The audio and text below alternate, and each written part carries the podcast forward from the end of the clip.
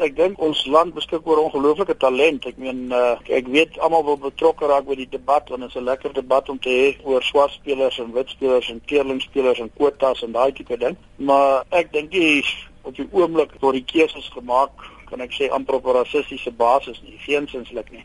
Ek dink ons moet eerder gaan kyk na die begin van die ding. Die wortel van die kwaad en sê hoekom kom die spelers nie deur nie en waar lê die probleme?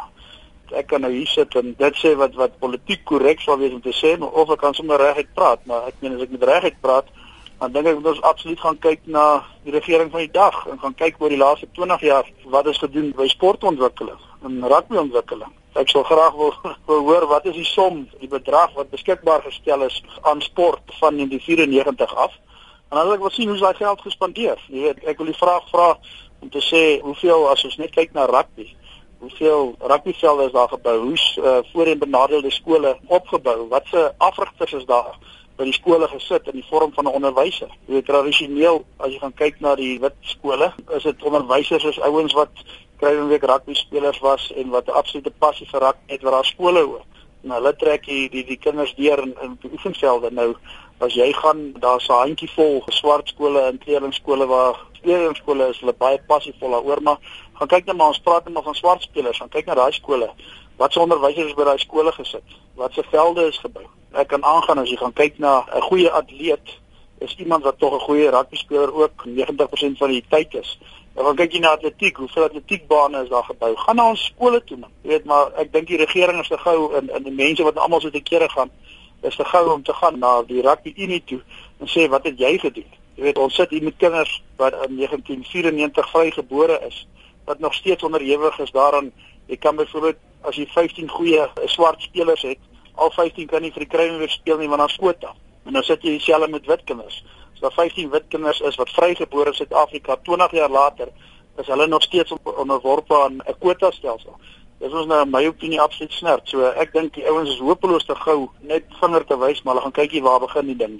Wat moet daar gedoen word om rugby te transformeer? Dis nie 'n kort prosesie nie. Kyk, uh, die ouens dink is sommer nou net jy kom jy sit en jy sê wou daar kom spelers en primêre spelers moet nou soveel persent van wat die kleer ook al wees of so.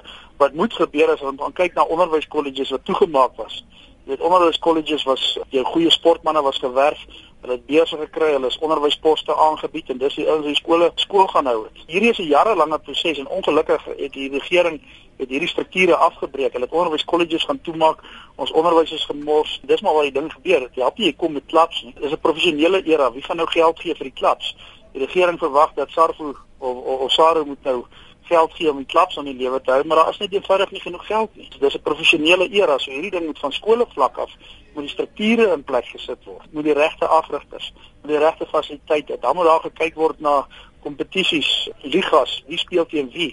En dan moet die spelers so deurgetrek word. Maar op die oomblik daar's nie eers hulle kan nie eens my skole ligas wys in ons voorheen benadeelde dele die meerderheid van dit nie. Ek weet ek veralgemeen nou, maar die punt wat ek wil maak is daar is nie genoeg geld vir SARU om hierdie struktuur in plek te hou. Dit moet kom van die regering, dit wat geallokeer word vir sport. Dit moet ons sien dat dit goed aangewend word. En dit geld nie net vir rugby nie. Jy kyk na fietsry, swem, atletiek, tennis, cricket. Wanneer laas is daar eintlik nuwe fasiliteite gebou? Atletiek, fietsrybaan. Daar's nie seker goed wat gebou word nie, maar ons is te gou om 'n politieke ding van die ding te maak. So, hoe gaan ons hom regkry? Ek gaan vir jou nou sê, in my opinie is jou kwota nie die antwoord nie. Jy gaan 'n ding probeer dwing. Ek wil graag sien ons land het hoop te talent want ek as jy dit gaan regmaak, ons gaan 'n bittervang gesprek met jou om dit reg te kry, maar dit is ook wel so dat daar goeie spelers is wat kan deurkom, maar dit hang ook af van die afrigter. Jy weet die afrigter kyk na sekere spelers en hy het sy voorkeure. Ek wil nie namens Hanneke Meyer praat nie, maar hy soek sekere goed. Ons sit en kyk na Jaco Kriel ek sal sê right, hy moet speel. Net Meyer wil hom plat speel nie. Jy weet so dit dit hang van die afrigter tot afrigter aan. Daar was Pieter de Villiers. Hy het sekere spelers gekies dit hang af van sy voorkeur. So ek dink nie jy gaan net hierdie ding regkry weer. Ewe skielik is daar 'n klomp politieke ouens en daar is dalk Marite gevalle waar spelers moet speel, maar dit hang maar van die afrigter af ook. Dis hoekom ek sal nog sê hierdie ding wat 'n afrigter alleen sê het dat hy jaar na voor die tyd vir spelers sê wie gaan wêreldbeker toe en wie nie. Dit in my opinie is ook snerp. Ek sal hom vir toe reggee, maar ek sal nog steeds 'n keer komitee daai hê. Wat kan help en druk opsit as daar spelers is wat aan te nagekom word? Wat kan druk opsit om die spelers in 'n plekke te kry? Vertroebel die professionele aard van rugby nie transformasie van rugby nie. Ja, kyk, dis 'n professionele era. Jy kan nou sê dit is so, dit dit gaan definitief nie transformasie aanhelp nie, want geen ou gaan die tweede beste speel nie, of dit nou swart of wit is. As jy professionele era speel en jy steel vir geld en jy neem deel in kompetisies waar daar geborge resultate verwag of so, kan jy nie vir 'n borg sê hoor jy gaan nou ewe skielik sê net maar daar's 10 swak wit spelers sê jy gaan hulle speel nie of 10 swart spelers sê jy gaan hulle speel nie. Jy kan nie vir 'n professionele ou sê ek soek resultate maar terselfdertyd nie wêreldwyd gaan kompeteer nie. Hierdie ding moes al op onder 7 vlak. As die ouetjies in skool kom, moet hy blootgestel word aan hierdie dinge. Dan moet daar talent geïdentifiseer word. Hulle moet ondersteun word en deurkom. Jy weet, hulle maak nou 'n uh, helse politieke ding van die rugby en is nou weer voor die wêreldbeker soos 'n lekker speelbal. Kom ons kyk na sokker. Hoe is dit dat ons op sokker nommer 1 Afrika was in uh, 95-96 en nou is ons nommer 16? Wat gaan nie aan? Dit is regdeur is dit 'n absolute gemors dat iemand verantwoordelikheid moet vat, maar die mense is te bang om te sê vat die verantwoordelikheid regering.